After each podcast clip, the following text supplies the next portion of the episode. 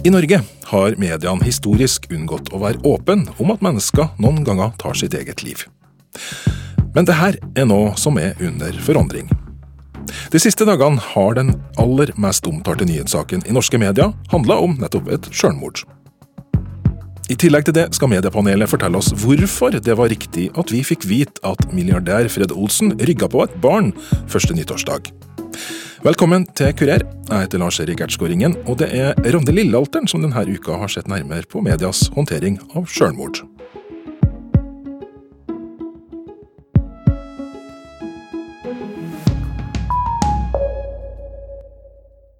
Vi ser at det er behov for mer kunnskap om hvordan man omtaler selvmord, og vi ser at eh, etikken er i endring på dette området.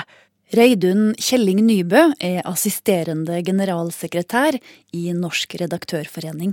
Vi vet at det er stor usikkerhet blant mange norske journalister og redaktører rundt dette spørsmålet. Vi har fått mer åpenhet over flere år, heldigvis, men fortsatt så er det mange som syns det er vanskelig å, å gi seg i kast med dette temaet. Og derfor så får ikke dette temaet en like stor oppmerksomhet som det samfunnsproblemet fortjener. For 20 år siden var Reidun Kjelling Nybø helsejournalist og begynte å skrive saker om selvmord. Siden den gang har hun vært en av dem som har beskjeftiga seg mest med spørsmålet om hvordan media bør omtale selvmord. I november 2019 presenterte hun og Redaktørforeninga en veileder til journalister som skal jobbe med dette vanskelige temaet. Det aller viktigste det er jo faktisk at vi skal være åpne. Eh, om et eh, viktig samfunnsproblem. Jeg bruker å si at nøktern åpenhet rundt selvmord er bra. At, eh, og det syns jeg var jo så bra i forbindelse med Ari Behn sitt selvmord, at de etterlatte med en gang de gikk ut og fortalte om dødsfallet, så sa de samtidig at det var et selvmord. Det er positivt. Det hindra rykter, det hindra spekulasjoner. Det bidro til at det var mye lettere å snakke om dødsfallet for alle, også i mediene.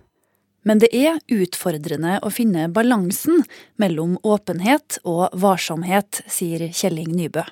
Vi anbefaler eh, at eh, man tenker gjennom hvilke detaljer man skal ta med. Eh, jeg pleier å si at det lureste det er å skrelle bort adjektivene når man snakker om selvmord. Ikke ta med flere detaljer enn det man trenger for å fortelle historien. Det handler om at vi advares mot å ta med f.eks. detaljer rundt metode. Vi vet at uh, detaljert beskrivelse rundt metode uh, kan bidra til å utløse uh, flere selvmordshandlinger. Det er advarsler som vi får fra Verdens helseorganisasjon og fra fagfolk her i Norge også.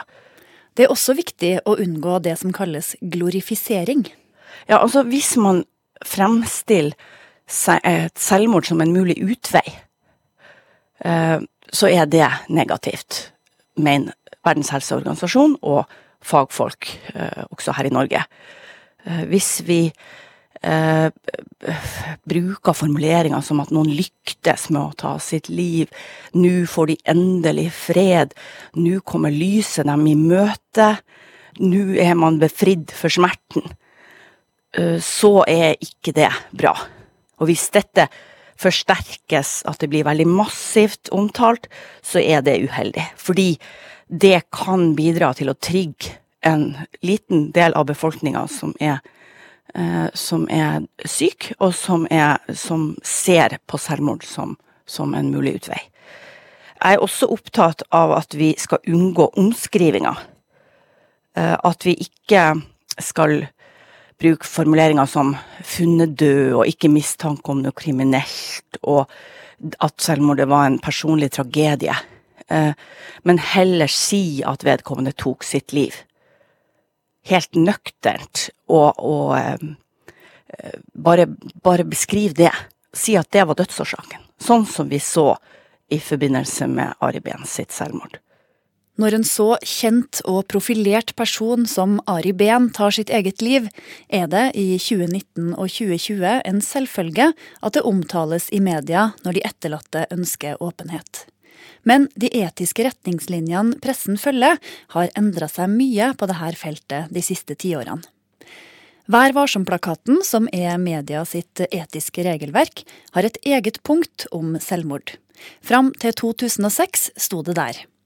Selvmord og selvmordsforsøk skal som hovedregel ikke omtales. Det førte til at pressen nesten aldri brukte ordet selvmord, eller omtalte saker der folk hadde tatt sitt eget liv. Eh, jeg tror jo at det har ført til at eh, samfunnet som helhet og i alle mulige sammenhenger har hatt altfor lite oppmerksomhet på uh, hvor alvorlig og hvor viktig selvmord er som folkehelseproblem. Fredrik Valby er psykologspesialist og forsker ved Nasjonalt senter for selvmordsforskning og forebygging ved Universitetet i Oslo. Tidligere så ble jo da enkelte av disse veldig dramatiske selvmordene omtalt.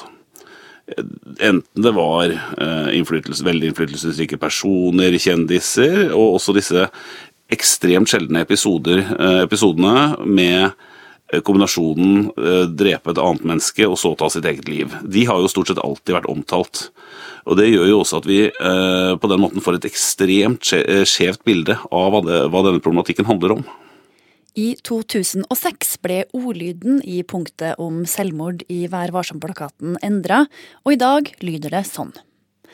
Vær varsom ved omtale av selvmord og selvmordsforsøk. Unngå omtale som ikke er nødvendig for å oppfylle allmenne informasjonsbehov. Unngå beskrivelse av metode eller andre forhold som kan bidra til å utløse flere selvmordshandlinger. Men hvordan skal en journalist kunne vurdere hvilke andre forhold som kan bidra til å utløse flere selvmordshandlinger? Jeg syns at den første delen av setningen, beskrivelse av metode, den syns jeg er grei å forholde meg til.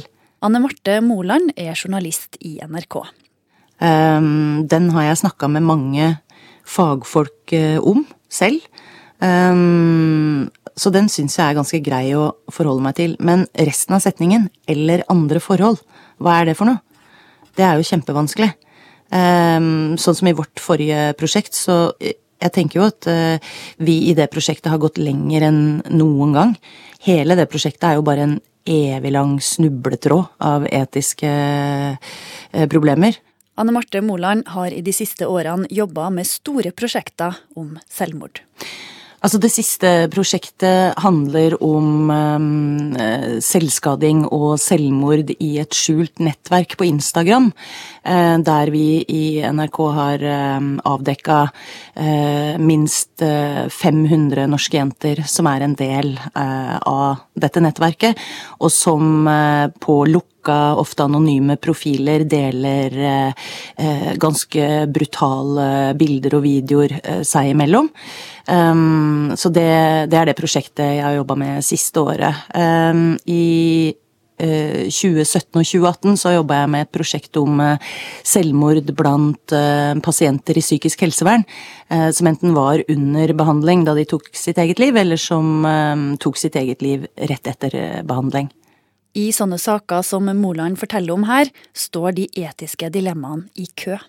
I det siste prosjektet så var et stort dilemma eh, å skulle dokumentere hva som deles i dette skjulte nettverket, eh, uten å gå for mye i detalj. Men det betydde jo også å dokumentere eh, hva disse jentene legger ut av f.eks. Eh, bilder av selvskading, bilder av eh, og beskrivelser av selvmordstanker. det var en vanskelig, en vanskelig avveiing, og der har vi jo um, holdt tilbake veldig, veldig mye som vi ikke har eh, publisert, fordi det rett og slett er for detaljert. Hva er du mest redd for at skal skje når du jobber med en sånn her sak?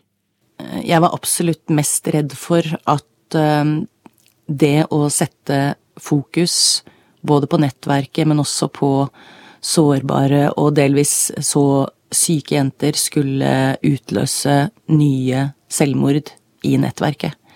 Ehm, det var absolutt min, eh, min største frykt hele veien. Det har jo vist seg å ikke skje. Det er jo det motsatte som har skjedd. Det har vært en fantastisk god bevisstgjøring i miljøet. Eh, og innad i miljøet nå så diskuterer jentene mye mer eh, om hvordan de heller kan være en positiv arena for hverandre, hvordan de kan støtte og, og trøste hverandre og vise omsorg uten å påvirke hverandre på de mørkeste dagene. Um, så det er vel det jeg er um, absolutt mest fornøyd med med prosjektet. At det gikk så bra. Anne Marte Moland er en av de mer erfarne journalistene på temaet selvmord. Men journalister som aldri har dekka temaet før, trenger at Vær varsom-plakaten er en tydelig rettesnor. Reidun Kjelling Nybø i Norsk redaktørforening mener det er på høy tid å ta debatten om å endre ordlyden i den såkalte selvmordsparagrafen i Vær varsom-plakaten. Jo, jeg mener at vi, vi har sett nå Nå har vi hatt en, en formulering som eh, har tatt inn dette med metode. Altså vi har en, en siste, siste, del av punktet nå er unngå beskrivelse av metode eller andre forhold som kan bidra til å utløse flere eh, selvmordshandlinger. Eh, og eh, det jeg har sett, er jo det at mange journalister og redaktører syns det er vanskelig å forholde seg til dette punktet. Eh, fordi vi vet ikke eh, hva som kan utløse eh, flere selvmordshandlinger. Vi vet jo noe, og vi har jo snakka om glorifisering, vi har snakka om metodebeskrivelse, detaljer. Men, men, det å vite at dette går bra, og dette går ikke bra, det er veldig vanskelig, og det må du ha mye mer enn journalistisk kompetanse for å vurdere. Og, og det tror jeg er problematisk at vi har inn i Vær varsom-plakaten. Jeg ser det tydeligere nå enn jeg gjorde det i 2006. Um, uh, og så ser jeg jo det at, at, samfunnet er i endring. Vi har, bare de årene som har gått uh, siden 2006, så har vi fått større åpenhet rundt dette temaet. Jeg tror vi kommer til å få en enda større åpenhet i årene som kommer. Jeg håper det. Samtidig så er det noen uh, presseetiske utfordringer vi møter Eh, i, når det handler om å omtale selvmord. Jeg tror på at vi trenger å ha et eget punkt om selvmord og selvmordsforsøk i Vær varsom-plakaten videre også. Men jeg ønsker en ny debatt om formuleringene. Eh, og jeg ønsker en ny debatt nå, syns jeg jo det passer veldig godt også i kjølvannet av den massive omtalen av selvmord som vi har sett denne eh, jule- og nyttårshelga i forbindelse med Ari Behn sitt dødsfall. Og det er flere som har kritisert dekninga av selvmordet til Ari Behn. En av dem er Fredrik Valby ved Nasjonalt senter for selvmordsforskning og forebygging. Nei, Det er jo først og fremst totaliteten av det. I veldig liten grad enkeltsaker. Eh, det har vært noen eh, eksempler på at man har eh, formidlet kanskje litt sånn forherligende opplysninger, eh, eller i hvert fall forherligende fortolkninger av hva som skjedde. Men, men, det er ikke det som er hovedproblemet. Men det er denne ekstreme fokusen på øh, kjendiseriet, prestasjonene, øh, positive karaktertrekk osv., som jo fremmes av venner og bekjente i ekstremt stor grad, uten at mer helheten kommer fram. Det er, jo så, det er helt naturlig at det ikke kommer fram så mye mer av helheten, men da blir også den enorme på en måte persondyrkelsen får en slagside.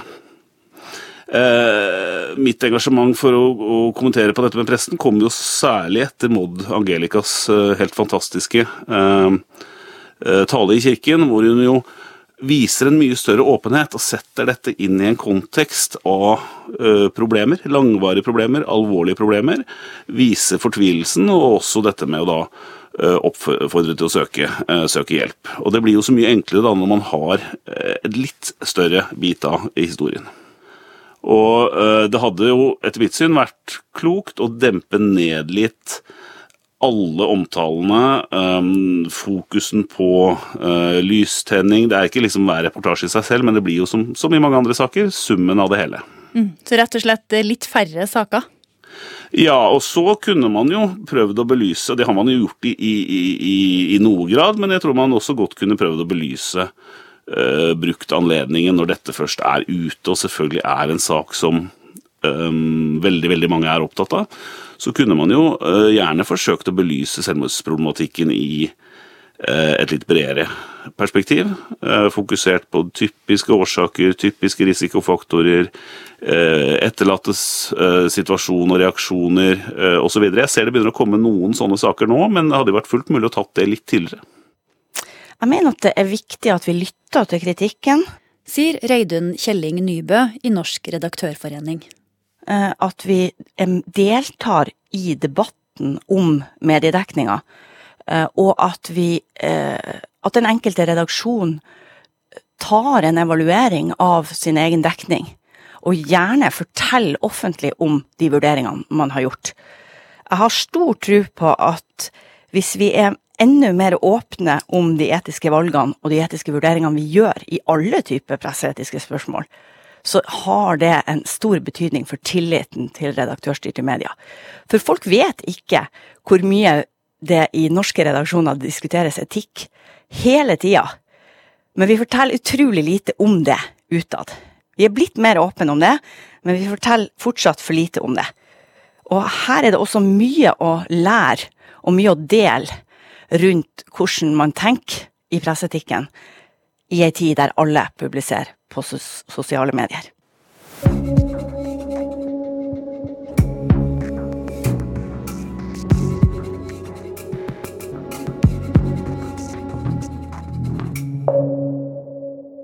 Du hører på NRK P2, og det her er mediemagasinet Kurer, hvor vi nå har kommet til det punktet i programmet der vi fyller opp studio med faste paneldeltakere.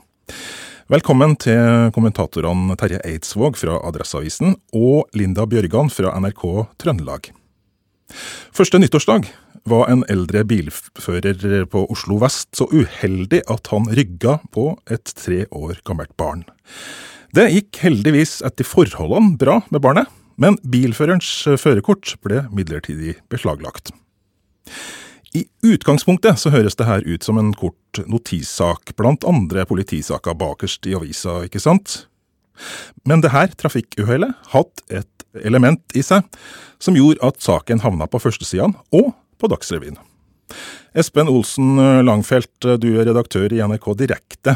Dere var først ut med omtale av denne saken. Hva var ingrediensen som løfta denne saken ut av notisene og inn på forsidene? Ja, jeg kan bare spole litt tilbake igjen til første nyttårsdag. Da fikk vi melding om at det var at alle nødetater hadde rykka ut til en, til en eiendom på Oslo vestkant. Denne eiendommen visste vi var eh, bopelen til eh, Fred Olsen. Så rykker vi ut, og så får vi melding om at det er en trafikkulykke. Eh, at et barn er påkjørt. Eller da var opplysningen at det var en 13 som er påkjørt. Dette Eh, medførte i en kort melding på radio og en kort melding på nrk.no, eh, anonymisert, så beslutta vi dagen etter å ta kontakt med vedkommende eh, som bodde på denne eiendommen, og som kjørte bilen. Det var altså Fred Olsen. Da valgte de å medvirke ved å fortelle om sin eh, omtanke for, eh, og, for, den lille gutten og for det som har skjedd. Dette var da årsaken til at vi valgte å identifisere da Fred Olsen, som ikke er en helt ubetydelig maktfigur i norsk samfunnsliv. Hvordan har du vurdert denne saken hvis du ikke hadde fått den meldinga fra Fred Olsen sjøl? Veldig annerledes. Eh, man må sette seg litt i situasjonen til eh, en som da uforvarende kjører ned et lite barn. Det er eh, traumatisk for de aller fleste, tror jeg. Og jeg tror nok, uten å sette meg for mye inn i hodet og motivet til Fred Olsen, så tror jeg nok at han hadde behov overfor nabolag og overfor offentligheten.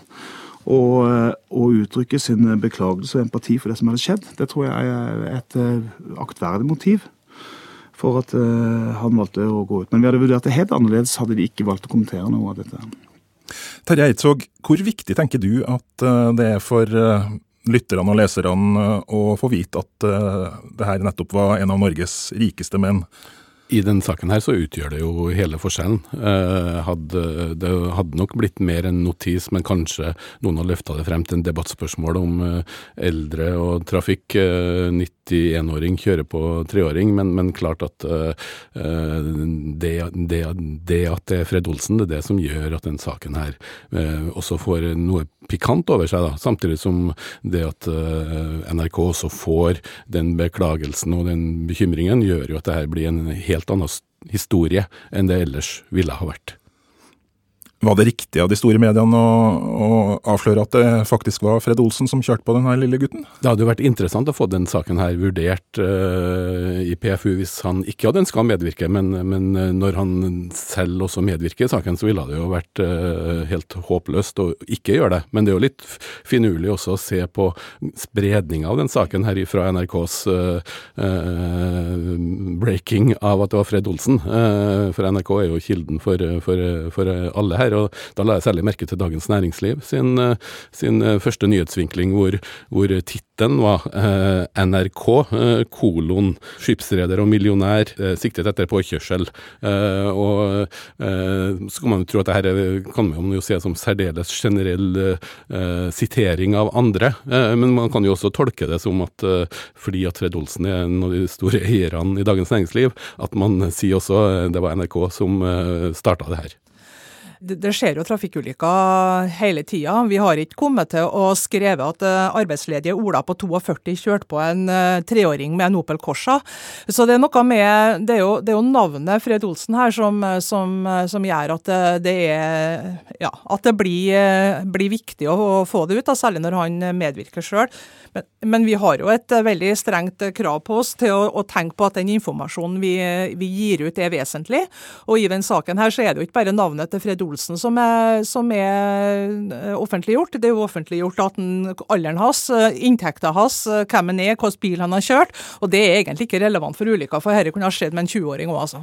Værvarsom-plakaten snakker jo om et såkalt berettiget informasjonsbehov, og at rollen eller identiteten skal være relevant. Men det faller jo bort når, når han medvirker. Men mange i norsk presse husker jo den klassiske saken fra 1989, hvor det jo ble notis i Bustika med 'Rask Askermann slapp forelegg', eh, hvor det var en 52-åring bosatt på Skaugum som hadde kjørt for fort. Det hadde jo gått an å gjort en sånn humoristisk variant med her også, med en eh, Norges 23. rikeste 91, eh, men, uh, men saken stiller seg jo veldig annerledes når NRK kan vise til de kildene som de gjør. Ja, for Vi har noe som heter vesentlighetskriteriet i reguleringen av norske medier, og hva vi skal skrive om og ikke.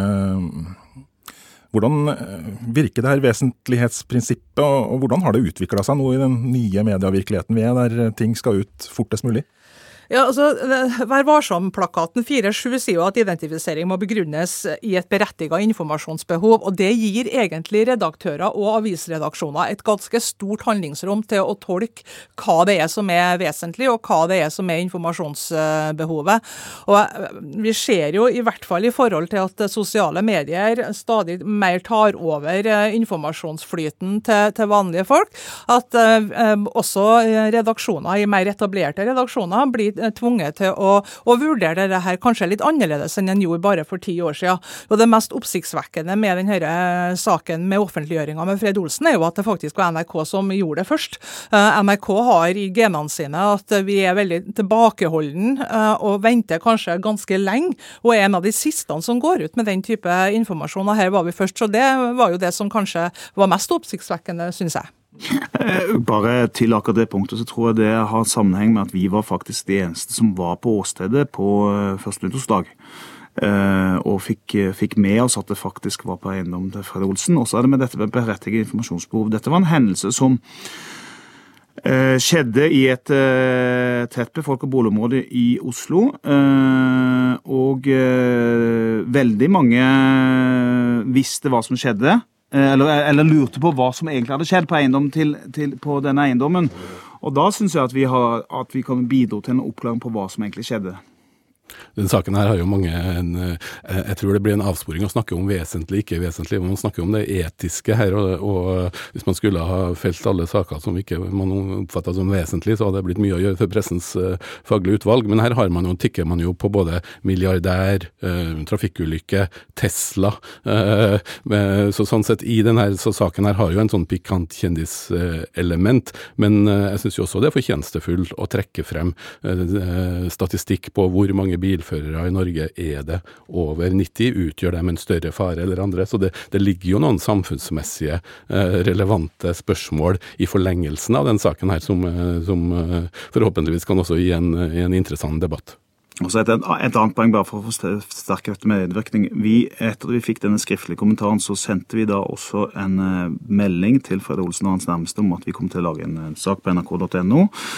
Eh, og vi sendte også og informerte dem i forkant om at dette da ble laget en sak i Dagsrevyen eh, samme dag. Eh, og det takket de for, egentlig. Og Det ble den siste tankerekken i, i dag. Takk for at dere stakk innom studio, Terje Eidsvåg fra Adressa og Linda Bjørgan fra NRK Trøndelag. Og i Oslo Espen Olsen Langfelt fra NRK Direkte. Kurer er altså over for i dag. Programmet var laga av eh, Randi Lillealteren og jeg heter Lars Erik Ersgaard Ringen. Vi er glad for tilbakemeldinger, reaksjoner eller tips fra deg på ting vi kan ta opp. Skriv en e-post på kurer nrk.no. Vi høres neste lørdag.